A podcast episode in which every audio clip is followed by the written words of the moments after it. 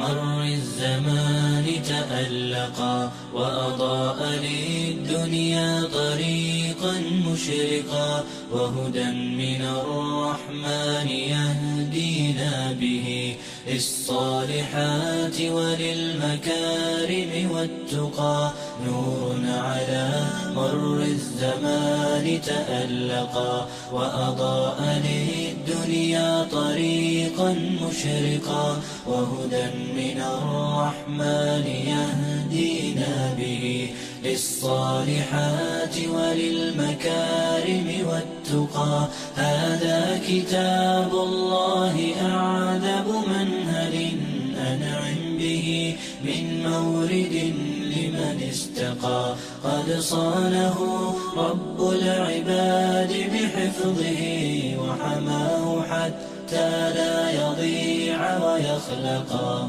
طوبى لمن حفظ الكتاب بصدره فبدا وضيئا كالنجوم تألقا وتمثل القرآن في أخلاقه وفعاله الحمد لله رب العالمين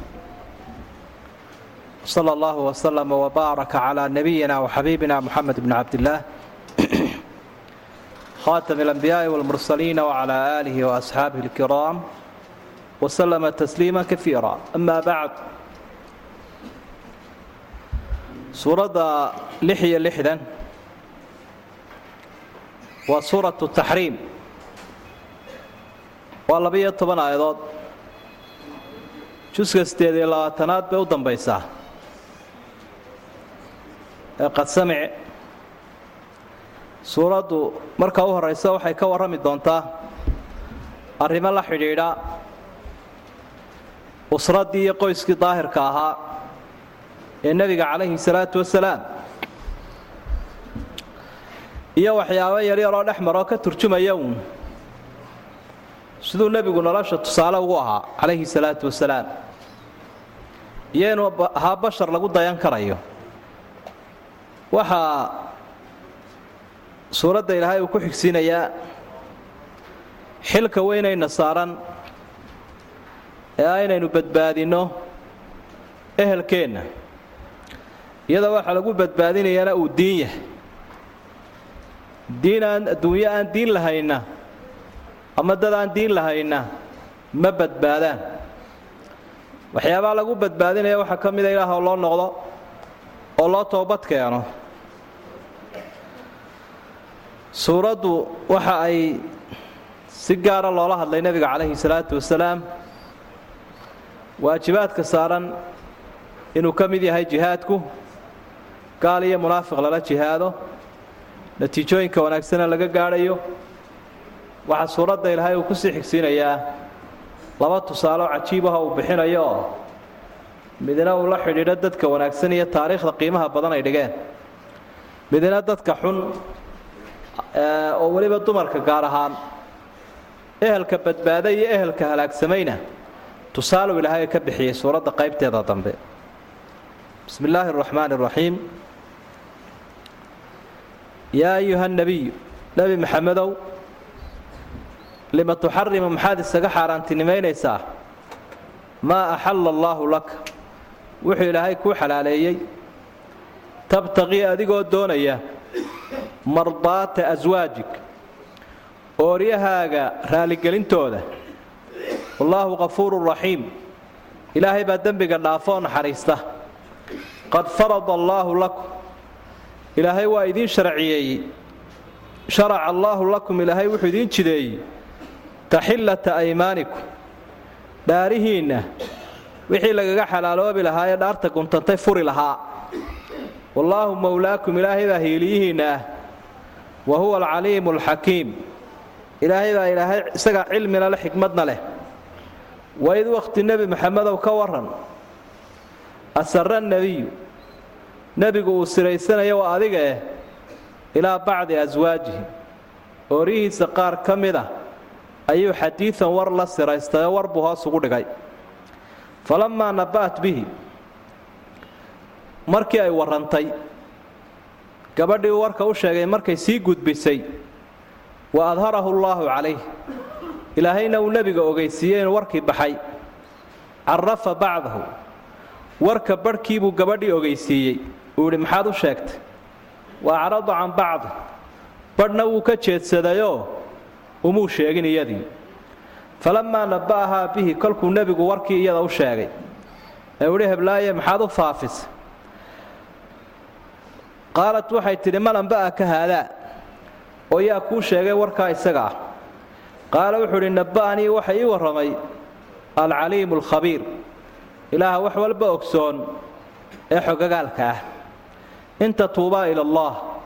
Labadiinnaa dumarkii haddaa u toobad keentaan ilaahay faqad saqad quluubukumaa dee qalbigiinni wuu leexday. Saqad ay maalat quluubukumaa qalbigiinni waa leexday labadiinnaa dumarahoo wax laga toobadkeeno waa gasheen oo nebigaa u heshiiseen wain tadaaharaa calayhi. Haddaa nebiga uga sii heshiisaanoo saa ku sii wadaanna fa inna allaaha huwa mowlaah ilaahay baa gargaarihiisa iyo hiilihiisa ah.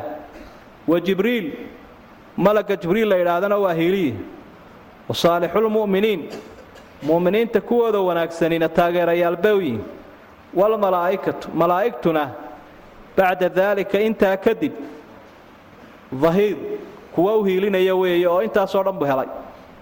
Markaa idiin darsan maayo. Qisooyinkan waxaa la yidhaahdaa markeeda horeba dee sababaha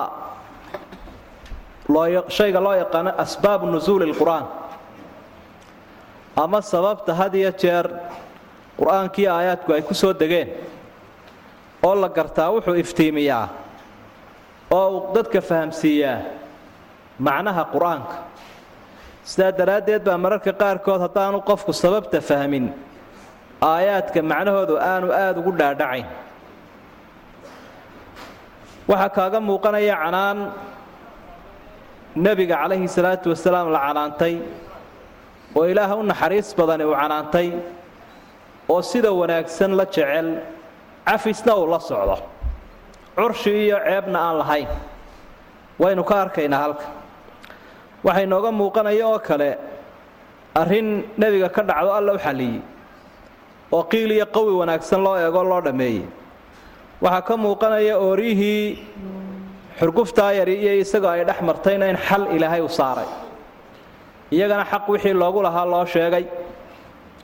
Idan markaa qisadu maxay ahayd buu qofku isweydiinaya waxay ahayd qisadu waxay ahayd laba laba qisaa la sheegaa laakiin ta hore saxiixa ah. Nebiga calayhi salaatu wasalaam xaasaskiisu way badnaayeen. Laba ka mid ah oo labadiisii ay dhaleen wasiir abubakar iyo iyo cumar. Waa ina abubakaroo caaisha iyo ina cumaroo xabso ah. Labadoodaasaa waxay ogaadeen rasuulku sala allahu calayhi wasalam gabadhii zaynaba bintu jaxshi la odhan jiray. Oo gabadh aada u wanaagsan ahayd dhammaantood way wada wanaagsanaayeen. Haddana ay caaisha tilmaami jirtay quruxda iyo qolada inay ahayd taa la tartami jirtay ama iyaduba ay iska eegi jirtay. Ayaa nebigu maalin maalmaha ka mida intuu soo maray. Ayaa malab buu ka soo cabbay. Markaa waxay ogaadeen labadaa dumarihii islaantaa iyada ah inuu nebigu mararka qaarkood soo maro oo nusasaacaha yar ama cuwaaftaa yar ay kala warhayso odaygeeda.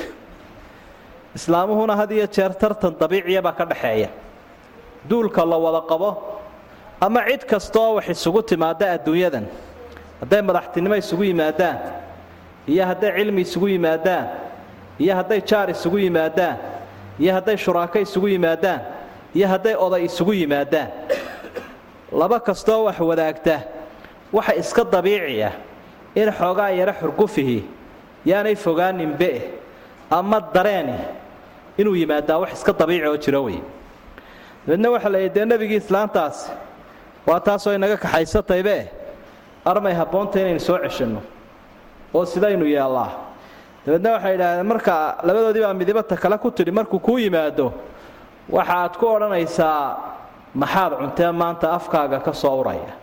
Hal akalti makaafiir ma geedka makaafiirta la ydhaa waad cuntay. Makaafiirtu waxa weeye waa wax sidan baashan basasha iyo adu buquulka la cuno basasha kamsarada waxyaabaha had iyo dheer dhulka gaagaabane ka baxa khudrawaadka ah geed macaan laakiin hahla weye oo sida maaragtay dee kale xoogaa ura leh. Nebigana calayhi salaatu wasalaam dabeecaddiisay dee dumarkiisu yaqaanaano waxa qarhmuun iyo waxa qadhaadh buu nabcaa. Halka innagana la macaaneeyey uun waxa qarhmuun iyo waxa qadhaadh. Sigaar iyo jaad dee midina wuu qarhmuun yahay midina wuu qadhaadh yahay atastabdiluuna aladii huwa adnaa biladii huwa khayr ma kii liitay baa kii wanaagsanaa looga tegay kolkaasaa dabeetana rastii uu ku soo horreeyay baa nabiga ku tidhi calayhi salaatu wasalaam farriintii bay u dhiibtay waxa weeyaan waa waa xafsa ayuu ku soo horreeyey farriintii bay ku taabatay oo waxay tidhi maanta dee afkaaga waxbaa ka soo uraya markaasaa wuxuu ihi wax kale ma jiree malabkaasaan halkaa ka soo cunay. Hadduu urtaaba yeeshay waxa iga wallaahi inaanan dib ugu noqonayne arrinkaa ha sii wadwadin. Caashana ha u sheegin. Oo labadoodu isbahaysi gaara bay lahaayeen. Iyaduna iskamay fadhiina bushaaradii bay u dhiibtay oo ila hadafkoodu saasuu ahaayee caashay ku taabatay. Markaa waxay tidhi intii yarayd odaygii ka goyne. Intii ka joojinna nebiga calayhi salaatu wasalaam ilaahay baa uga warramayoo warkii isaga ahaa inuu islaantii kala gaadhay baa ilaahay u sheegay. Kolkii warkii isaga ahaa uu sidaa u ogaaday xafsa uu la hadla wuxuu idhi xafsaay sawtii aan ku warka ha sheegin. Maxaad u sii sheegtay dee? Xabsina markaa waxay u qaadatay ilaa cid kale u sheegtay ma jira caayishunbay u sheegtee. Caayishiinta iyaduna ballankii ka baxday inay nebiga u sheegtay oo halkaas sirtii ay faafisay markaa wuxuu idhi saa aayaddu ay sheegtay naba'anii alcaliimu alkhabiir. Dee ilaahay baa ii sheegay. Marka weliba wixii ay caaisho u sii sheegtay ee ilaahay u sheegay dhammaantii umuu wada sheegin xafsee carafa bacda qayb ka mida unbuu ihi miyaanad sidaa iyo sidaa iyo sidaa caaisho ku odhan. Qayb ka midana waa carada can bacdin. Uba iskaga aamusoo. Dee siduu nin weyni had iyo jeer wuxu sheegi jiray. Ilaa waa yeel wax walba ma wada sheege eh warkii qaybna wuu xusuusiyey oo intaa miyaad xafsho u sheegin buui qaybna waaba iskaga afkaabsaday oo iska dhaafay. Iyadiina way yaabtay. Dee ilaahay baa ii sheegay buui arrinku ilaahay buu gaadhaybe ma dhowaa. Kolkay arrintii sidaa noqotay nebiga calayhi salaatu wasalaam ilaahay uu soo cananto waxaa la yidhi dee wax laguu xalaaleeyey maxaad isaga xaaraantinimaynaysa waa malabkiiyo waa xalaale iska isticmaal waa dayibaad ilaahay uu ku siiyey. Wixii dhaarta aad gashayna qad farada allaahu lakum taxillata aymaanikum ilaahay baa idiin jideeyey dhaarta wixii furi lahaa oo kafaara gudahe ka kafaara gudo. Ha dhaaranin oo xalaal ha ka dhaaranin. Tabtaqii mardaata aswaajik adigoo doonaya xaasaskaaga inaad raalligeliso labadan dumar ahee kuu soo heshiiyey adoo doonaya inaad raalligeliso xalaal ha ka dhaaranin. Xalaashii aad ka dhaaratay iska isticmaal. Dhaartii aad gashayna ka kafaara gudo. Waxaan sax ahayna dumarka ha ku raalligelin canaantii markaa halkaa ah ayay ku soo ururtay dabeetana warkii dhex marayna waa kaasoo ilaahay bannaankuu soo dhigay. Labadii dumar haddii nebiga sidan loo canaantay iyagiina waa la canaantay dumarkii. Qoyskiiba markaa ilaahay uu isu bustaynaya. Mid walba wixii xaq iyo waajib loogu lahaana waa ku soo celinaya waa lagu soo dabaalaya. Mid waliba dhinacuu ku leexday rasuulba ha ahaadee dhinacii ka qalloocdayna. Ilaahay wuu ka toosinaya subxaana. Labadan dumarana ilaahay uu la hadlo waxau idhi haddaad toobad keenaysaan waa sax waayo waxaa gasheen wax toobad lagu mutaysto oo aa nebigii baa cidhiidhi geliseen. In tatuuba ila allahi faqad shaqat fatajibu calaykumaa atawba haddaad toobad keentaan dee towbadii way waajibtay. Faqad shaqad quluubukuma dee qalbigiinni wuu leexdayoo qalbigii la doonayay rabbigana inuu ku hagaago zawjkana raalligeliyo dee dhan kale u leexday. Oo admaac iyo dareen kale oo diiqad gelin kara rasuulkii ilaahay baa yimi. Sidaa daraaddeed dee toobad keena haddaad toobad keeni weydaan oo ilaahay rasuulkaba weydaanataanna dee intii ilaahay intii la socotay ee asxaab lahayd ee malaa'ig lahayd dee way idinka safayin meeshaa maraysaan idinkaa yaqaana. Warkaasi sidaasuu noqday. Inta tuuba waa waa shay lagula hadlayo ficil lagula hadlayo way laba qof. In tatuubaa ila llahi faqad saqad quluubukuma wain tadaahara. Qadiyadda inuu labadaa qof ay yihiin xafse iyo caaisha labadaa wasiire nebiga calayhi salaatu wasalaam ugu dhowaa hablihii ay dhaleen ummahaatulmuminiin ka tirsanaa inay labadooda yihiin. Waxaa caddeeyey qisadan caaisha waxaa kaloo caddeeyey cumar ibnu khaaab cabdilaahi ibnu cabbaas wuxuu ahaa nin mufasir weyna isku dayi jiray had iyo jeer in qur'aanka macnihiisa aanay waxba dhaafin. Ee aayaadka uu dhuuxo oo uu dhugtuu fahmiyo aad u fahmo. Markaa waxa uu leeyahay muddo dheer ayaa waxaa raajicinaya bal inaan ogaado labadaa qof kuwa ay dabeedna waxaan cumar binu khadaab radia allaahu canh ayaan in badan ka raajiciyey. Wakhti wakhtiyada ka mida ayaan fursad u helay. Xajkaanu wada soconnay safarkii baan dheeraaday. Gooni baanu isula baxno xokayn baanu ahaa weysada biyahaan u siday oo aan ugu shubayey. Markii dabeetana aanu isku gooni noqonnay weysadii aan ugu shushubayo ayuunbaan su'aal shaatid si degdega ugu soo dhigay. Marka waxaan idhi cumar waxaan ku su'aalay labadan dumarehe aayaddu ay sheegtay sida gaarkaa ilaahay uu la hadlay. Waa labadee cajaban libni cabbaas ya bna cabbaas markaa cumar wuxuu yidhi ibna cabbaas ow layaab baad leeday. Isagoo macnaha odaygu leh baarmaad iga days ila inantiisiiba arrinkii gale baarmaad inaga days miyaad sartayba. Ibna cabbaas dee layaab baad leedahay haddana waxay noqotay inuu u sheego dee waa ammaano cilmiya waxau idhi waa xafse iyo caaisha. Labada haddaad i weydiisay aayadda ilaahay uu kula hadlay waa xafse iyo caaisha marka sidaa weeye qisadaas qisada labaad waxay sheegaysaa xaaskiisii maariya la odhan jiray ama addoontii maariya la odhanayay xaasaska nebiga ka tirsanayd calayhi salaatu wasalaam. Ayaa nebigu maalin maalmaha ka mida guriga xafse uu kula kulmay. Ama ha iska kulmaan ama xidhiidhbaha dhex maro xabsina markii dambe waa ka cadhootay oo way ka diday. Dabeedna wuxuu u sheegay inuu ka dhaartay inaanu islaantaa u tegaynin warkana sidaa ay ku hayso kadibna iyana caaishay sii gaadhsiisay warka la sheegaya waa kaa labada qisaba way jiraan taase horead moodaa malaha in ay u sii yaro dhowdahay waaqico oo culimmada qaarkood ay qabaan. Waaya waxa markaa halkaa aynu ka fahmaynaa un guud ahaan rasuulku sala allahu calayh wasalam inuu bashar ahaa. Malag ma ahayn makhluuq kalena mu ahayn laakiin bani aadam buu ahaa. Arrimahan oo dhammina waxay ka turjumayaan sidii loogu dayan lahaa un haddaanu bashar ahayn dee miyaynu ku dayan karaynaa haddaanu guursanayn kumaynu dayan karneen. Haddaan isagiiyo xaasaskiisu isku xanaaqaynin oo xurguftan la xallinaynin dee kuweenna xalumaynaan heleen. Waxaanoo dhammi markaa waxay yihiin bashar lagu dayan karayuu ahaa nebigu. Waxaa kaloo qisadu ay daliilu tahay diintii ilaahay loo soo dhibay nebiga calayhi salaatu wasalaam waxuu qariyeyba inaanay jirinba. Waayo hadduu waxuun qarin lahaa dee arrintan sida tooskaa u taabanaysa isagiiyo qoyskiisa ee isbawlha ha inaga qariyo ha inagu wadwadin ee ilaahayna caalamka kore ka soo sheegay kaasuu qarin lahaa. Suuratulaxsaabba waxaynu ku soo marnay iyadana isaga iyo zaynaba bintu jaxsh oo qisadana dhinac kaga jirta dee arrin dhex maray oo guurkii zayd iyo zaynaba iyo arrimaha iyadana waataynu soo marnay. Marka taasina midh jira weeye oo aynu arkayno. Waxaa kaloo iyadana halkan ka muuqanaya in dadku marka ay nolosha wada qaadanayaan siiba dadka xaasaska ah ragga iyo dumarku inay dee ogaadaan arrinku inaanu noqonaynunu shahrulcasab iyo bilaha malabkun inaan lagu jirayn. Sidoo kale dee sida malaa'igtoo kale inaan loo aamusnaanayn oon loo khushuucnaanayn qardoofo iyo khilaafba uu jiri karayo. Idan markaa cadho walaal waa la baryaaba arrinta ku soconaysa. Iyo dulqaad iyo wixii soo kaco oo la damiyo. Dulqaadka iyo cafiskaas ayaa markaa ayaa lagu xalinaya arrimaha. Haddii la ysaseegana macnaheedu de in la kala tegay maaha. Waa in la baryaa cadhada nebigu calayhi salaatu wasalaam qisada xagga hore aynu ku soo marnay axzaabe markii xaasasku biilka ay weydiiyeen ee ku wada buuqeen ay yidhaahdeen dadkii kalunbaad wax siinaysaa xaqa yagiina sii waa kii nebigu ka cadhooday ee bilba ka dhaartayba ee inaanu bil u imanin ka dhaartay iska khalaaweeyey. Ee meel yaroo sare oo taaga fooq yar buu iska fuulay. Bishii markay dhammaatay kadib buu ku soo noqday arrinku halkaasaa buu gaadhayoo ilaa la yidhiba wuu furayba nebigu calayhi salaatu wasalaam xaasaskiisa.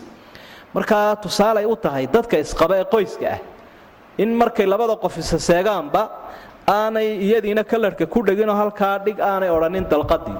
Isaguna saddex buurbuuran oo sida jeedalka uu la dhacaya aanu ku karbaashin oo dhan saddexdii baad iga tay intaa inaanu ku celcelin oonu isodhan dalqadda ku ciilbaxe iyana ay sabirtay isna uu sabro goor dhowto jacaylkoodiibaa iska soo noqon doona. Markaa wax badan bay qisadu tusaale u tahayoo haddii aad loo sii wadwado dee laga yaabo inuu wakhtigu dheeraan karo. Marka taa weeye arrimaha markaa aayaadka ilaahay uu kaga hadlaya subxaana ee nebiguna ammaanadiisii sidiibuu ku gutay yaa ayuha rasuulu balliq maa unzila ilayka min rabbi. Ilaahay xaggiisa wixii lagaaga soo dejiyay dadka gaadhsii baa layidhi wakaa waajibkii sidaasuu markaa ummadda ku gaadhsiiyey qofka idhaa cali buu wax u siraystay iyo aalu beytku wax u siraystay iyo waxbuu qariyey maya xaashaa meelka dhacday ku tahay nebiga calayhi salaatu wasalaam. Wixii tashriicaadka samaawigaa ku saabsan ee ummaddu siday u camal falaysa ee u dhaqmaysa ee u saxmaysa ku saabsan waxuu qariyey nebigu male yaa ayuha nabiyu lima tuxarimu maa axala allaahu laka wixii ilaahay kuu xalaaleeyey maxaa isaga xaaraantinimaysa hadduu yahay ooridaadii hadduu yahay anfacaaga. Tabtaqii mardaata aswaaji xaasaskaaga raali noqoshooda adoo doonaya dee haayo xaaska waa la raaligelinaya laakiin wixii xaaraan laguma raaligelinayo odayguna waa sidaa qad farada allaahu lakum taxillata aymaanikum. Ilaahay wuxuu jideeyey dhaarihiinna wixii furi lahaa. Dhaar baad gunuday wixii kaa kala furi lahaa. Wuu jideeyo maxay ah? Kafaara gudka suuratulmaa'ida ka akhri. Wallaahu mawlaakum wa huwa alcaliimu alxakiim isagaa gargaarihiinna ahoo dee cilmi iyo xikmadba leh. Waida sarna nebiyu markii waxaad xustaa nebigu uu siraysanaya ilaa bacdi aswaajihi xadiian dumarkiisa qaar ka mida buu war hoos ugu sheegay waa tee waa xafsa. Falamaa naba'at bihi markii ay warkii warrantay caaisha u sheegtay tidhi bushaarayse arrinkii ka joojinaye wa adharahu llaahu calayh ilaahayna uu u muujiyee la yidhi warkii bax. Carafa bacdahu. Barhkiibuu u sheegay xafsa. Oo uu yihi xafsa maxaad u sheegtay dee? Wa can bacdin. Barhkii kalena wuu ka sii jeedsadayoo wixii ay sheegtay umuu wada sheegin oo casharka uguma soo wada celinina qaybunbuu u dacaal saaray. Falamaa naba'ahaa bihi kolkuu u sheegay warkii ee uhi maxaad caaisha u gaadhsiisay qaalat man anba'aka haadaa iyaduna xafsay daniday saaxiibadeed. Miyaa kuu warramay bayt caaishay daniday iyaduna. Qaalat man anba'aka haadaa xafsina waxay dareentay in caa'ishi malaha nebiga u sheegtay. Tiina halkaa aan isla gaar noqonana waa la isku ogaa. Marka dannigaasi si uu meesha uga baxo oo aanay saaxiibadeed khilaafu dhex marin. Xaqiiqadana ay u ogaato raadaarka ilaahay kollayba inuu ku rakiban yahay. Oo ilaahay inay iska eegaan ay tahay. Labadaas sababood daraaddeedba qaala nabba'anii alcaliimu alkhabiir oo miyaanad ilaahay iska eegan weyn? Ilaahay caliimkaa khabiirkaa xoogaalkaabaa dee ii sheegay. Maxaad caaisho kaga warwareegi weyn? Marka warkii saasuu ku dhan yahay. Ilaahayna iyagiibuu canaanto waxau hi in tatuubaa ila allahi faqad saqad quluubukuma haddaa ilaahay u toobad keentaan qalbigiinni leexaya waa sax wain tadaaharaa calayhi haddaa isu kaashataanna faina allaha huwa mawlaah wajibriil wasaalixu lmu'miniin marka waa saalix waa jamac bay ka turjumaysa saalixuuna min almu'miniin bay ka dhiganta idaafada daraaddeed iyo takhfiifka daraaddii iltiqaa'u saakinaynka daraaddeed ayaa wowgii iyo nuunkiiba loo jaray saalixuuna ayay noqon lahayd marka iminka saalixulmuminiin saalixuuna min almuminiin bay ka dhiganta muminiinta kuwoodii wanaagsanaa mufradna waa noqon karaa saalixun min almuminiin mid wanaagsanoo muminiinta ka mid ah oo dee mid waliba gaarkiisa ah. Waalmalaa'ikatu bacda dalika dahiir arrinku inaanu sahlanayn baa loo muujinayaao. Dee mushkiladda qoysku wax sahlan maaha. Mushkiladda qoysku waa mushkila cayliya baa la idhaahoo qofka waxa ay ku abuurtaa walaac badan arrimaha caamka ah iyo kuwa qaranka iyo kuwa muslimkaba uu ka mashquulayaa nebigu. Xaggan dee haddii wax kaga soo kaakacaan sidaa daraaddeed baa aayaadka ilaahay si culus ugula hadlaya. Ilaahay iyo malaa'igtiisa iyo mu'miniinta iyo malaku jibriil oo malaa'igta horkacaya waa arrin culus weeye. Labada ooriyooda intaa lagu soo fayliyey. Maxaad u malaynaysaa arrinkooda? Arrin adag weeye. Soomaalidu way ka mahmahaana waxay dhaha ninka geesiga ah marka la qaban waayo islaantiisunbaa cadowga u qabata bay dhah colbaa nin maalin dhan eryanayo wuu qaban waayay bay dhah gurigiisa markuu agtiisii joogo ayuunbaa la qabtay. Oo see loo qabtay dugsi yarunbuu fadhiistay. Ninkii maanta o dhan la erayo dugsi yaroo dudada ah. Dudada waad garane aqalka xerada xaggeeda dambe fadhiya. Ayuunbaa la heloo la qabtay. Har maxaa kugu dhacay? Islaantii kululayd baan dhegaysanayay buui buuqaysa iyo oo ii kala tirinaysa iyo in kale. Marka ninkii maanta o dhan la qaban waaye sida cawsha firdhalay islaantaa kulul intuu codkeedii cibaadayooma intuu iska eegayay bal codkeeda ayaa cadowgaasi qabtay. Marka mushkiladda qoysku ma sahlana laakiin sida loo xalinayana waa qur'aanku ina barayo. Alla wuxuu idhi casaa rabbu. Ilaahiisu waxa uu xaqiiqo ku yihi in dallaqa hadduu nebigu dumarow idin furo an yubdilahu aswaaja inuu ooriyo u soo bedelo oo u soo dooriyo ooriyahaasoo khayran minkunna idinka wanaagsan muslimaatin oo ilaahay isu dhiiba mu'minaatin oo iimaanku qanjaha jooga oo qalbigooda buuxiyey. Qaanitaatin oo ilaahay adeecaya oo heelan xaqa u heelan. Taa'ibaatin ilaahay u noqonaya u toobadkeenaya hadday gafaan. Caabidaatin cibaado badan. Saa'ixaatin soom badan. Amaba soo hijroonaya oo cadowga ka soo hijroonaya. Fayibaatin carmalaya ama garoob ah. Wa abkaaran shabada ahoo habla da'yarahoo. Xaasore aan soo marina intaa qaar la sifooyinkaale buu ilaahay siin karaa nebiga eh waxba cerka ha isu qaadin oo nebiga ha dhibine halkiina ku egaadoo nebiga la jaanqaada saasaa iyagiina ilaahay ula hadlay subxaanahu wa tacaala. Marka xaasaskii nebiga guud ahaanba ilaa labadana qura arrintu kumay koobnayn khilaafku mararka qaarkood buu keenaya sida aynu soo sheegnay inuu mid caama noqdo oo xaasaska nebiga wada gaadha calayhi salaatu wasalaam sida qisadaa hore axsaab aynu ku soo maraynay marka sidaa guud ayaa ilaahay ula hadlay. Oo la dejiyo macnaheeduna waxa weeye sida loola hadlaya waxa weye xataa xaq ay leeyihiin inay uga tanaasulaan xurmada rasuulka sala allahu calayhi wasalam iyo xidhiidhka weyne ummadda uu la iyo qaa'idkii ummaddaee adduunyo ka haajiray isagoo ah daraaddeed wax badanay xaqu leeyihiin inay ka tanaasulaan siduu isaguba adduunyada uga tanaasulay oo ay markaa la jaan qaadaan waryaha nebiga calayhi salaatu wasalaam uu guursaday koob iyo toban baa lagu tilmaamay qaarkood waa furay laakiin koob iyo tobanka ah. Koob iyo tobanka waxaa u horreeyey khadiija bintu khuwayl macnaa waryahan markaad dhammaantood wada eegto waxay ahaayeen fayibaat ama kuwa xaasas hore soo maray. Cayshunbaa inan da'yar ku guursaday nebigu calayhi salaatu wasalaam. Iyadoo taasi ay muujinayso nebigu inaanu hamadiisa un gudanaynin laakiin howlo kale uu daberayo oo mar waxa ay sabab u ahaa waxbarashada ummadda ayuu kor u qaadayay si xaasaskaa badani ilaa waxay keenayaan inay mucallimaad badan noqdaan. Mar kale xidhiidhka uu la leeyahay ummadaha iyo qabaa'ilka ayuu nebigu isku soo xidhaya calayhi salaatu wasalaam mar kale xidhiidhka asxaabtiisii la soo halgamay islaamka la hinjiyey xidhiidhkooda ayuu xoojinaya sida abubakar iyo cumar oo kale. Mar kale waxa uu meelaynaya mujaahidiinta ooryihii ay ka dhinteen agoontooda iyo araamilkooda iyo xaasaskooda si aan cidlo looga tegin. Ee arrinkooda uu casiis u noqdo oo tii laga dhintayba markuu nebi maxamed dibudejin ku sameeyuu meeleeyo. Dee dumarkiibaaba jeclaanaya raggoodu inay mujaahidiin noqdaan. Kol haddii raggii waaweynaa uu guursanayo. Inahaasoo dhan bay isugu dhex jireen. Markaa tii horraysa waxayd khadiija bintu khuwaylid. Shan iyo labaatan jir buu nebigu ku guursaday calayhi salaatu wasalaam iyaduna afartan jir bay ahayd. Ummaddu ummad barako badan bay ahayd. Heerkaa dumarkeennu lagaba yaaba inay ku dhalma daayaan. Ayay iyadu ka sii bilowdayba oo lixdanka ciyaala ay ku dhasho lixda ciyaala ay ku dhashay. Nebiguna calayhi salaatu wasalaam iyada unbuu ku egaa ilaa intii ay dhimanaysay ilaa konton jir uu dhaafayay tu labaad lama guursan. Waxaa soo raacdo ku xigtay sawda bintu zamca. Da'deedu way weyneedoo iyadu ma yarayn. Laakiin asaabiquuna alawaliin min almuhaajiriin nin ka mid ahaa ayaa ka dhintay oo sakraan ibnu camri baa la odhan jiray. Raggii xabashida u hijroodayna waa ahaa markaa saasuu ku meeleeyey iyadoo agoon ahayd. Waxaa ku sii xigtay markaa caaisha oo iyaduna da'yaraydoo nebigu wuxuu ku mehersaday intuu maka joogay.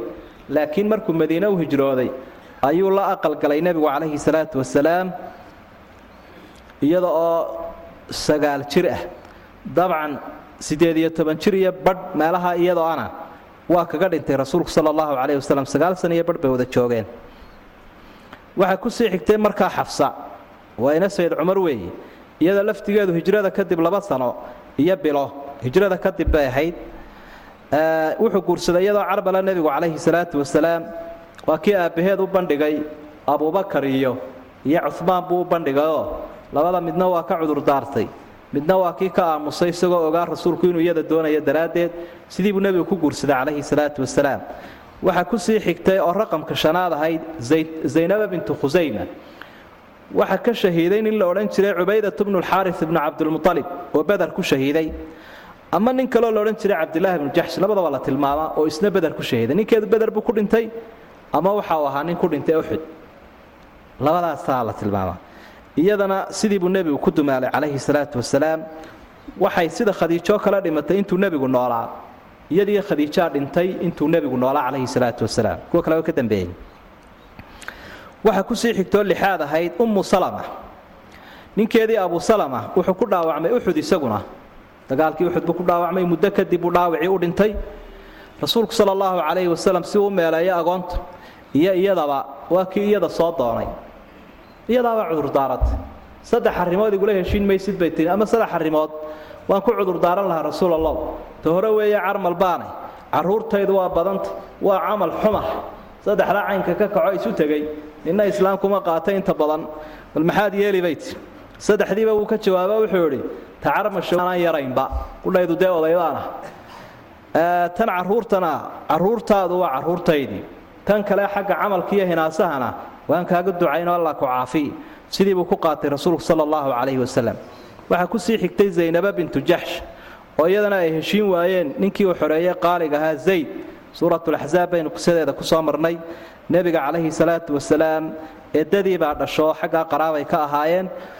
Caaishana waa tii ay lahayd xagga marka la eego jamaalkeeda iyo qoladeeda iyo fariidnimadeeda dumarkaanu isku dhararsan jirnayba had iyo jeer ahayd. Waxaa ku sii xigtay iyaduna juwayriya bintulxaari almusdaliqiya oo uu dhalay ninkaa reer banu israa'iil ka mid ahaa ee madaxda ahaa baa dhalay. Sannadii lixaad hijrada ayaa iyaduna uu nebigu guursaday calayhi salaatu wasalaam. Dadkii la soo qabtee reer yuhuudeed laga soo qabtay bay ka mid ahayd. Waxa qorigii uugu hagaagay haabit ibnu qays ninkii la odhan jiray. Markaa wuxuu ku xidhay adduun. Adduun intaa alle hadaad la kaalaydo xor iyadoo soconaysa nebiga u timi calayhi salaatu wasalaam. Markaa waxay tidhi dee gabadhaasaan ahay ninkaa madaxdii dhalay. Halkaana waan ka soo jeedaa arrinkaygana waad arkaysaa sidaan isaga duruufaysnahay. Adduunkaana waa laygu xidhay. Inaad iga bixisaabaan jecelahay dabcan waana islaamtay wakhtigaa nebigu calayhi salaatu wasalaam wuu la hadlayoo wuxuu idhi bal ka warran waxaa wax ka khayr badanba haddaan kuu fidiyo. Oo waa maxay? Dee intaan ku xoreeya haddaan ku guursado ka warran. Waabay fiican tahay bayt sidii buu ku guursaday nebiguna calayhi salaatu wasalaam gabadh reer boqor oo aad u dheg badanna way ahayd waa tii caaisha arrinteeda faalaynaysee lahayd. Markii ay noo timid ay teendhada horteeda isa soo taagtay ayaan cadho cirkaa maray bay ti sidaasu maaniga waxaan bay tii talow tan quruxda badane idin soo doonatayna maxay ahayd? Dee wixii ay ka baqaysabaaba yimidoo inkastuu khayr ahaa. Sidii umuu nebigu ku guursaday calayhi salaatu wasalaam. Waaye aad baan u karaahaystay bay tii. Kolkaan arkay waxaan dareemay inuu markaa lagaba yaaba inuu nebigu ku tacalluqo. Adigu almuhim nebiguna calayhi salaatu wasalaam xikmadduu u guursanaya dee hore aynu u soo xusnay. Waxaa ku sii xigay ummu xabiiba ina abi sufyaan.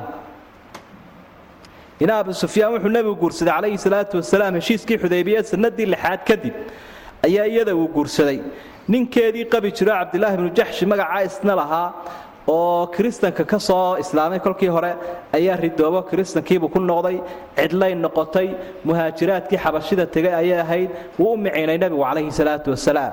Axmedunajaash boqorkii xabashida ee qaaliga ahaa muuminkii halkaa joogay ee islaamay buu nebigu arrintiisa kala hadlo halkaasaa loogu guuriyey axmedunajaash ayaa meher aad u fara badanna inanta siiyeyoo halkaa ku casuumo ku soo dhoweeyey halkaasaana loogu guuriyey rasuulku sal allahu calayhi wasalam abi sufyaanna sidii baa loogu sheegayoo isagoon weli islaamin baa lay inantaadii dee moxamed baa guursaday.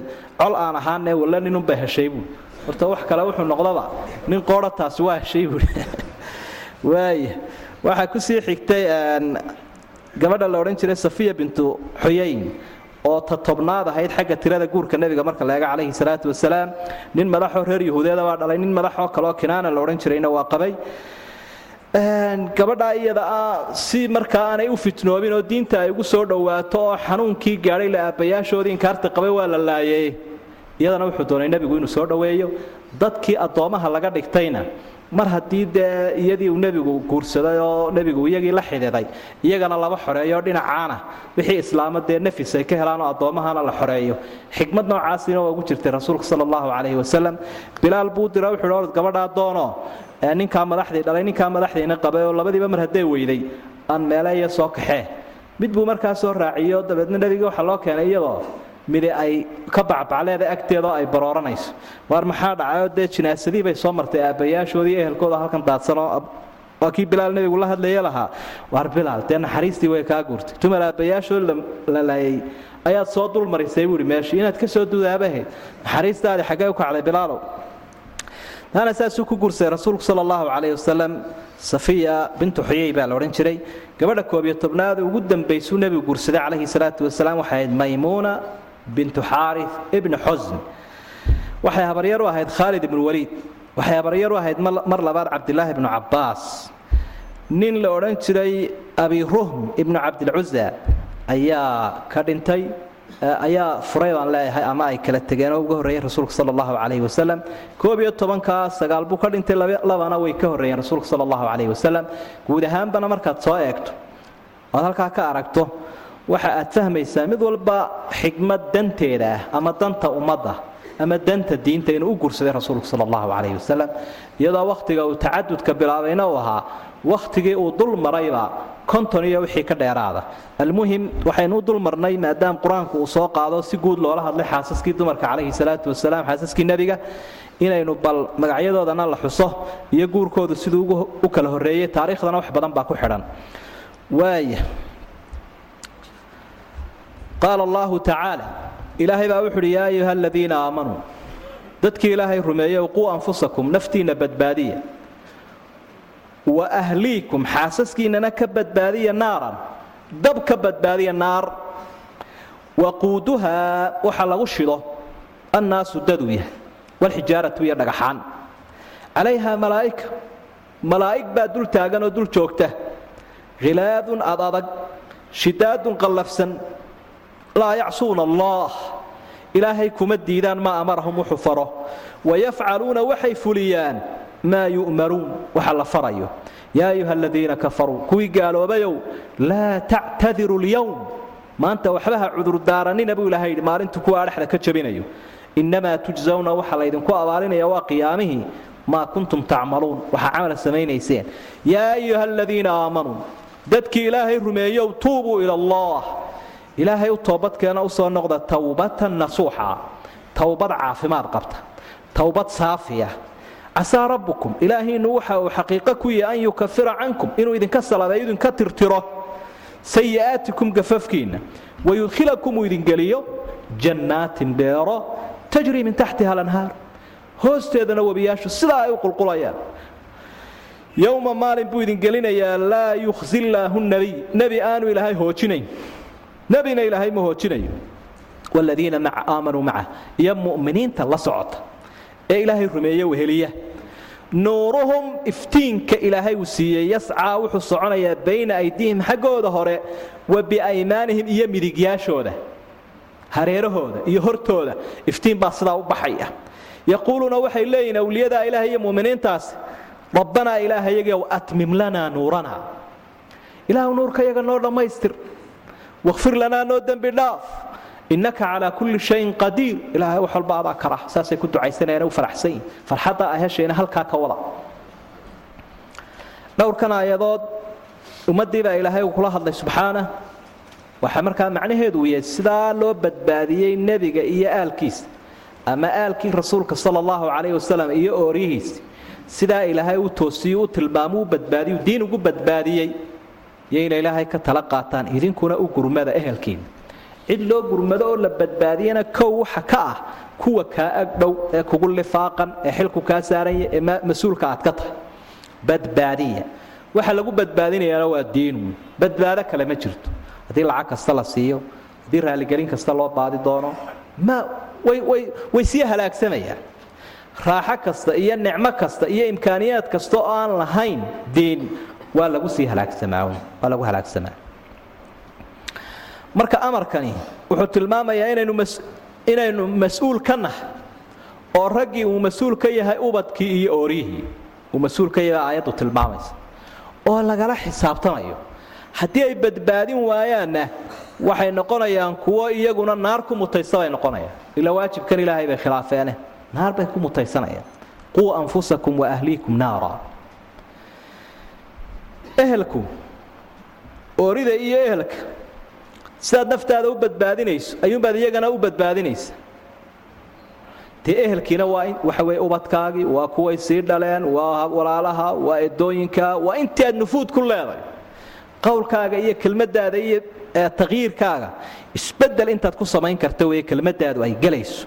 Intaas wey rasuulkana sal allahu calayh wasalam ilahay uu la hadla wuxu uhi wamur ahlaka bisalaati wastabir calayha waa siyaabaha loo badbaadinaya nebigu calayhi salaatu wasalaam isagoo ina faraya waxa uu inoo sheegay waxyaabaha lagu badbaadinaya cibaadada ilaahay inay ka mid tahay shayga koobaadee salaada awlaadiina fara buu lahaa salaada muruu wlaadakum bisalaa lisabci siniin wadribuuhum calayha licashr. Calaa macna alxadiid. Toddoba jirkana ku amra toban jirkana ku edbiya arrinka si ay ugu qaataan wax weyn oon la fudaydsan karin idan markaa siyaabaha loo badbaadinayaa waxa weeye meel kasta oo sababu noqon karta ubadkii inay halaagsamaan oy haawiye ku dhacaan iyo ehelkii inaad ka ilaaliso. Hadday tahay saaxiibba xun ka ilaali. Hadday tahay deegaan xun iyo bay-a xun oo ubadkii iyo ooridu ay kaaga farabaxayaan ka ilaali. Hadday tahay arsaaqad xunoo xaaraana ka ilaali. Kullu daalik waxyaabaha iyo jeer ubadkii iyo ehelka halaaga weyn. Ka waran iyagoo dalkoodii jooga oo diintoodii haysta oo dunyadoodii haysta oo sharaftoodii ku nool markaad kaxayseed waddan shisheeye geyso. Sharci weynna loo dhiibo loona sheego meeshay ka yimaadeen inaanay ahayn halkan ay yihiin. Arsaaqadina kaga xidhnayn odaygan la socdee iyagoo ay arsaaqayaan oo wax walba ay u yihiin. Dabeedna waxaa dhacaysa goordhowto in maamulkiisii ay ka hoos baxaan in dalkiisii ay diidaan in tasarufkiisii iyo diintiisiiba ay daciif ku noqdaan ayaa dhici doonta. Dabeetna waa afkaran waayo. Dabeetna ay saa kaga farabaxaan nufuudkii iyo haymanadii uu ku lahaa iyo maamulkii uu ku lahaa wixii o dham ay ka farabaxaan yaa sabab u ah. Dee sabab u ah. Adigaa halaagan sabab ugu ahayoo meeshan geeye adoo arsaaqadoona adoo magacdoona adoo manfacdoona ayaad kaxaysa kaxaysayoo markaasaad ku dhex tuurtay badweyntii kufriga ayaad bartanka u dhigtay markaa kollay dadka walaalaheena dabaddu way ku dhibbayin qofku wuxuu mushkiladaa dareemaa uun maalintaanu soo celin karayn. Mushkiladaa wuxuu qofku dareemayaa maalintaanu soo rujin karayn tala ka farabaxdo inta ka horaysa ee ay suuragal tahay inuu wax aynaaniyo ama soo celiyo waa intuu wax si yara macaansanaya lacagtaa yara soo dhacaysa iyo duruuftii horuu si yara xusuusan yahay. iyo sharci uu is leeyahay gaadh iyo hebel la mid noqo iyo waxaa intuu yaro waa intuu sii gaabanayo ee uu sii libdhayo. Hadhow markuu libdhuu dam yidhaahdu qarsoomo ayuu odhanaya alla yaa iga rujiya reerka iyo ciyaalka. Markay af jiniis ku hadlaan ee uu afgaran waaye turjumaan u baahdaan ay yidhaahdaan wax alla wixii uu soo jeediyaba iska aamus iska aamus wakhtigii lagula hadli lahaa ma joogtide. Goortaasu cillaysa soo taagaya. Marka waxaynu leenahay nicmo weyn buu haystaa qofka. Diintiisii haystee dalkiisii joogee dadkiisii la nool. Nicmadaa inaad dareentaan weeye dadka xaggaa joogana uga yeedhaan kuwa sii socdana ee iimaanxumadu ay haysana inaad ka waanisaan runtii waa ayaandarre aad iyo aad weyn. Aad iyo aad bay udhib badan tahay arrintaas. Quu anfusakum waahliikum naaran. Siyaabaha loo nabadgelinaya intaasoo dhan baa ka mida bay-ada environmentka liita inaad ka ilaaliso saaxiibka xun ka ilaaliso xaaraanta ka ilaaliso diinta ilaahay ku tarbiyayso meel ay wax ka kororsanayaan iyo dad ay wax ka kororsanayaan aad geyso oo aad kula dadaasho. Malaaigta waxaa lagu shidayaa dabkaa dad iyo dhagxaan. Dad iyo dhagxaan. Dad baa laga buuxiyo waa kuwii ilaahay halkan u qadaray waa ahlu naarkii dhagaxaanna waa lagu camiray si aanay meeshu u qaboobin. Labadaasaa la ysku shiday rasuulku sal allahu calayhi wasalam wuxuu tilmaamayaa ahlu naarka dee ay sheegtay ilahay uhi kullamaa nadijat juluuduhum badalnaahum juluudan hayraha liyaduuqu lcadaab marka jidhku uu madho ilaahay wuu soo cusboonaysiinaya. Wuxuu ka warramaya ka ahlu ah maqaarkiisu intuu leegyahay iyo gowskiisu intuu leegyahay bal ka warran qofka micidiisu ay la-eg tahay ama gowskiisu uu loogyahay uxud uxud waa intee? Waa shan kilomitir oo murabaca shan kilomitir sideedna waa lagu sheegaa laakiin shanna waan maqlay. Shan kilomitir badhe. Hadday micidiisii noqotay dhakadii intay noqonayso nacuudu billaahi min dalik kuwaasaa ilaahay uu ku cabaynaya meesha lagu buuxinaya oo loo camiraya. Marka ilaahay isaga ayaa yaqaana sida u abaal marinayo sida uga aarsanayo iyo sida u dhadhansiinaya cadaabkiisa. Malaa'igta meesha joogta khilaadun shidaadun laa yacsuuna allaha maa amarahum wayafcaluuna maa yu'manuun falyadcu naadiya sanadcu zabaniya sanadcu zabaniya waa zabaniyadii ilaah waxay u qaabilsan yihiin qabashada khuduuhu faqulluuh uma aljaxiima salluuh marka khilaad iyo shidaad jidhkooda adag oo qalbigooda adag oo uma dabcaan mid qayliya iyo mid buuqa iyo mid qayladhaan midnaba uma dabcaan gaalkii halkaa lagu cabeeyey lahaa uu hadlo wuxuuhi yaa ayuha aladiina kafaruu laa tactadiru lyawma inamaa tujzawna maa kuntum tacmaluun. Waa camalkiini waxbaa cudurdaaranayn kaasaan aha iyo kaasaan aha ma jirto.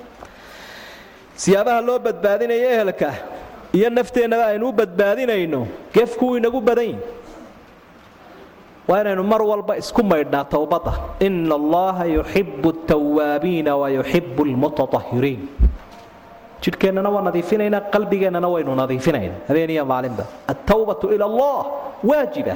Towbaddu waa waajib. Qofka muuminka ah markuu gef ka dhaco waa faral sunno maaha. Amar baa jira tuubuu ila allah. Laakiin towbadoo dham isugu mid maaha ilaahay waa towbata nasuuxa towbadu ilaahay aqbalaya. Nasuux waa shayga saafiga ee khaaliska ah. Tawbo shan shardi laga helay. Hadduu camalkaasi camalaad gafaad bani aadam ka gashay yahay kow waa inaad waa inaad siisaa ood u celisaa. Ka xalaal miirataa aad tidhaahdaa ya cafi ama cird haada ama cuud ama xoola ha ahaado. Ama sharaftiisood meel kaga dhacda midkay doonaysa aad. Waa inaad gacanta ka qaadda waa inaad go'aansataa inaanaad dib ugu noqon waa inaad ka warwartaa. Wakhtigeediina waa in la maraya waa qodobka shanaad. Towbadu wakhti bay leedahay. Haddii markuu sakaraadku xaalat alqarqara halkaa cunaha markay sii marayso hadduu idhaahdo un kaa sidaas oo sidaas oo sidaas lama aqbalayo yuqbalu towbat lcabdi maa lam yuqarqir markaanay biyo buuflaha intaanay naftu halkaa soo gaadhayna sakaraadku sii adkaan inta ka horeysa waa la aqbalaya ama aanay xagga qoraxdu xaggaa ka soo bixin. Shuruudaha shanta ah waa in laga helaa toobadii towbata nasuuxa towbaday ka toobad keenaysa bisadu jiirka maya. Qofku intuu xaaraantii sameeyo in allaha hafuuru raxiim aroortana uu ku noqdo aroortana uu ku noqdo. Ilaahay laguma ciyaaro subxaanahu watacaala ilaahayna wuu bushaareeyo waxau ihi casaa rabbukum an yukafira cankum sayi'aatikum ilaahay wuu idin dhaafi dembiyadiina wayudkhilakum jannaatin tajri min taxtiha lanhaar webiyaalna uu idinku casuumi intuu idin safeeyo idin maydho ayuu ilaahay jannadiidisa idinku casuumi waa bushaaro waa min fawaa'idi tawba wa min amaraati tawba. Towbadda midhaheeda waxaa ka mid aynu bushaaradaa helayno qofku hadduu dembiga ka toobad keeno alislaamu yajubu maa qabl watawbatu tajubu maa qablaha islaamku wixii ka horreeyuu dumiya towbadduna wixii ka horreeya way duminaysa habeen iyo maalinba wuu ku celcelinayaa qofku wuxuu og yahay iyo waxaanu ogaynba si dembiga uga toobad keeno. Yowma laa yukhzi illaahu nabiya waaladiina aamanuu macah midhahan towbadda waxaynu u baahanay maalintaa waa maalin aanu ilaahay hoojinaynin nebi iyo inta la socota. Nebi iyo inta la socota. Nebi iyo inta la socota. Maalintaa dadkaasaa wanaagsan u toobad keenay ilaahay ma hoojinayo. Rasuulkaa inta la socota xasanulbasri baa waxau leeyahy altawbatu nasuux an tubqida damba kamaa axbabta towbadda wanaagsan waxaa lagu gartaa inaad dembiga u nacdo saad kolkii hore u jeclayd. Kolkii hore waad jeclayd marka dambe inaad aad u nacdo waa calaamada towbadda nebigaana hoojin maayo iyo inta iimaan ku raacday.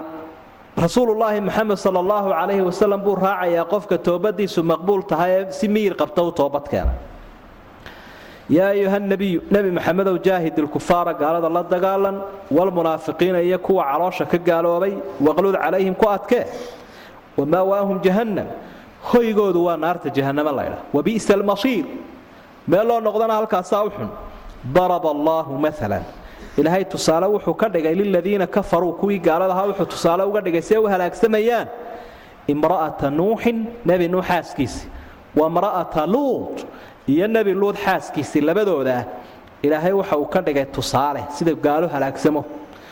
Kaanataa waxay ahayn labadaa dumarii taxta cabdayni laba addoon bay hoos joogeenoo ay xaas u ahaayeen min cibaadina oo addoommaha iyaga ka mid ahaa waa nuux iyo luud waa laba awliyada ilaahay kuwa u hormuudsanaya ambiyadii weeye.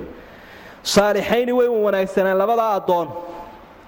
Fa khaanataahumaa way khiyaameeyeenoo gaalnimo iyo munaafiqnimay ku khiyaameeyeen. Falam yugniyaa canhumaa. Labadii nebi waxba kamay tarin labadii dumar ahaa min allaahi shay-an. Ilaahay xaggiisa waxba way ka difaaci kari waayeen markii la qabsaday. Wa qiila waxa lagu yidhi labadii dumar ahaa udkhulaa gala annaara gala. Maca daakhiliina kuwa gelaya la gala. Nebi kastaaba ha idin kol haddaa ilaahay ka fogaateen. Halkaasaa lagu fogeeyo lagu libdhiyey nikaayadda sagaalaad iyadoo waxay tilmaamaysaa rasuulka sala allahu calayhi wasalam amar buu ilaahay siiye wuxuu kala hadlay qadiyadda jihaadka ayaa ilahay uu kala hadlay. Waxaynu ku soo dhex jirnay qadiyad qoys iyo towbadkeen iyo aakhiro. Arrimahaasaynu ku soo dhex jirnay oo aynu soo arkaynay.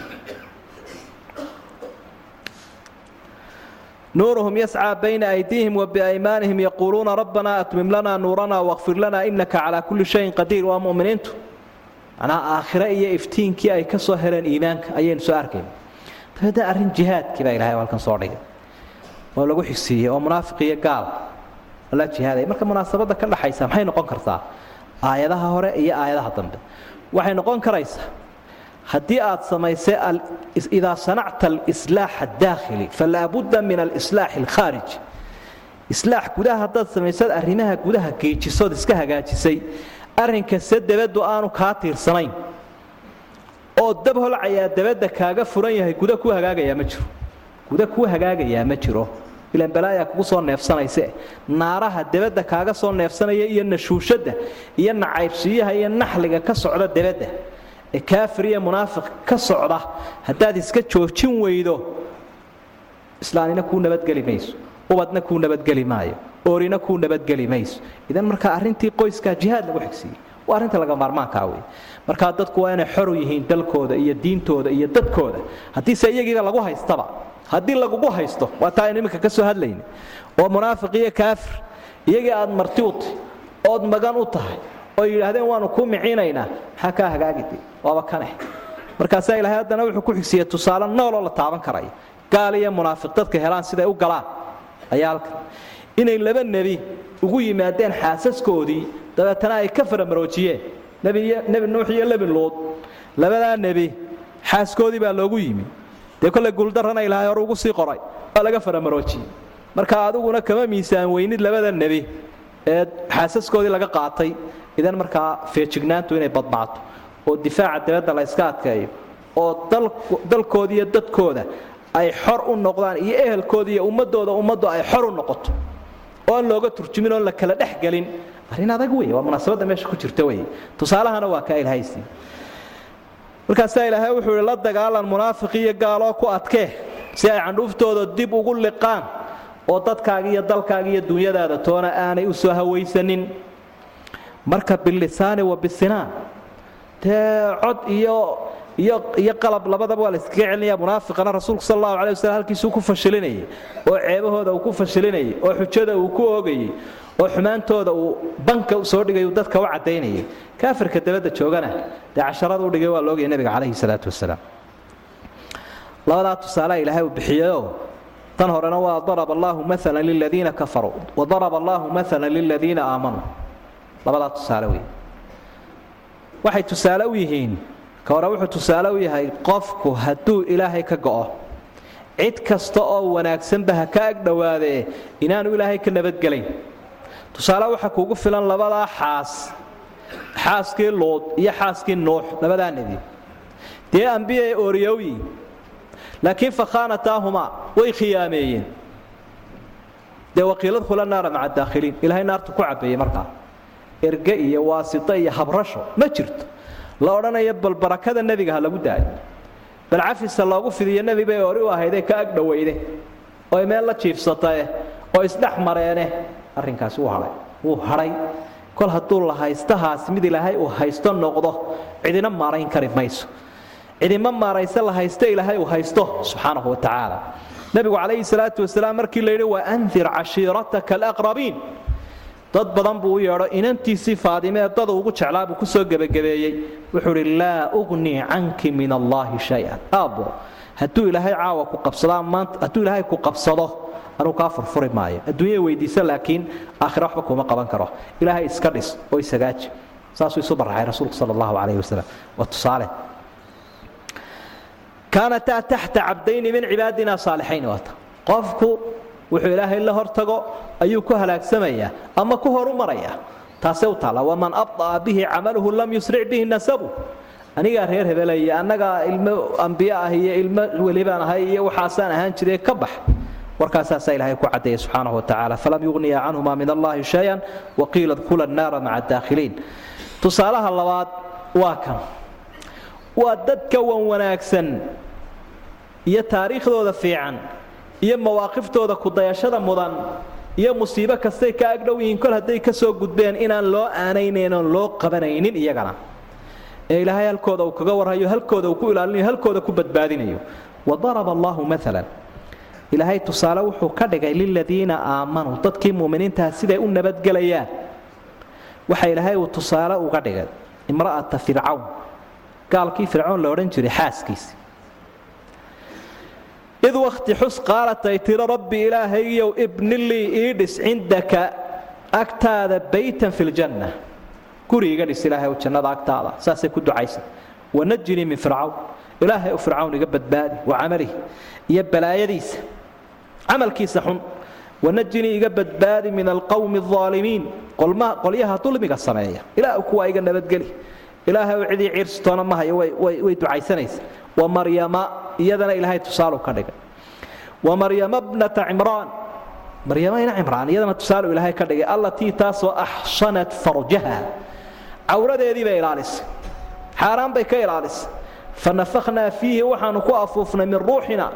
Ruuxdayadiioo ciise a baanu ku afuufnay jeebkeeda diriciisa jeexan wasadaqat bikalimaati rabbiha wasadaqat waxay rumaysay bikalimaati rabbiha ilaaheedu kelmadihii uu sheegay wa kutubihi bay rumaysay kutubtii ilaahay uu soo dejiyey wa kaanat waxay noqotay min alqaanitiin kuwa ilaahay isu dhiibay ee ka tala qaatay ee aqbalkeenka wanaagsana kuwaasina waa tusaale waa ummahaatun khaalidaatun fi lqur'aan hooyooyin wanaagsanoo qur'aanku uu xusayo weeyo la akhriyayo ilaa an yaria allahu larda waman calayha. Inta adduunyadu ay jirtaba saasa loo ahriyaya dadna taariikhdoodii saasuu ilaahay ku xusay. Dadna taariikhdoodii sidanuu ilaahay ku xusay. Waxa kala kaxeeya waa camal. Qolana ilaahay bay aad uga fogay. Qolayna ilaahay bay aad ugu dhowaatay subxaanahu wa iyagoo ilaahay aad uga fog ayaa ambiyadiisa ku dhowaadeen kuwa hore laakiin halaagsamay.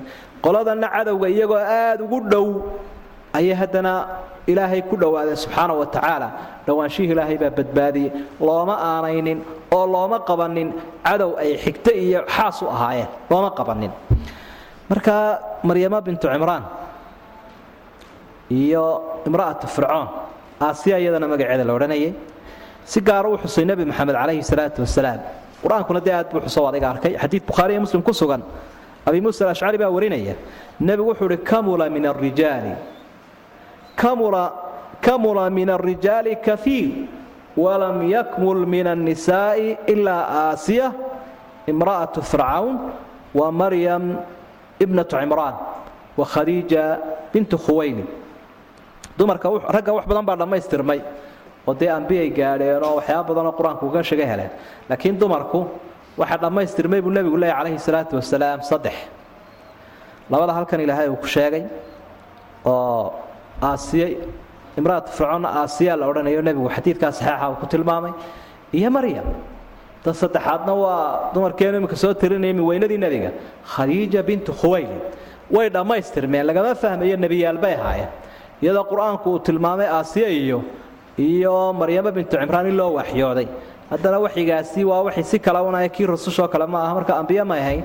Laakiin waxa weeyaan mustawe waxay gaadheen aan dumar kale gaadhin saddexdoodaas haddii caaisha ay ka agdhoweyd rasuulka sala allahu calayhi wasalam iyaduna ay jeclaatay inaanay ka qadin horumarkaa ilaahay xaggiisa laga helayna waa hambaliyey. Nebigu wuxu uhi waina fadla caaishata calaa saa'ir nisa aw cala nisaa ka fadli afariidi calaa saa'ir acaam caa'ishi siday dumarka uga sarraysana waxa weeye siduu raashinka fariidka la ydhaahdaa uga sarreeyo raashimada kale ama cunnada kale fariidku waxaad tidhaahdaa uun dee waa mid jacburaba dheh waa mid federation oo isku dhex jira.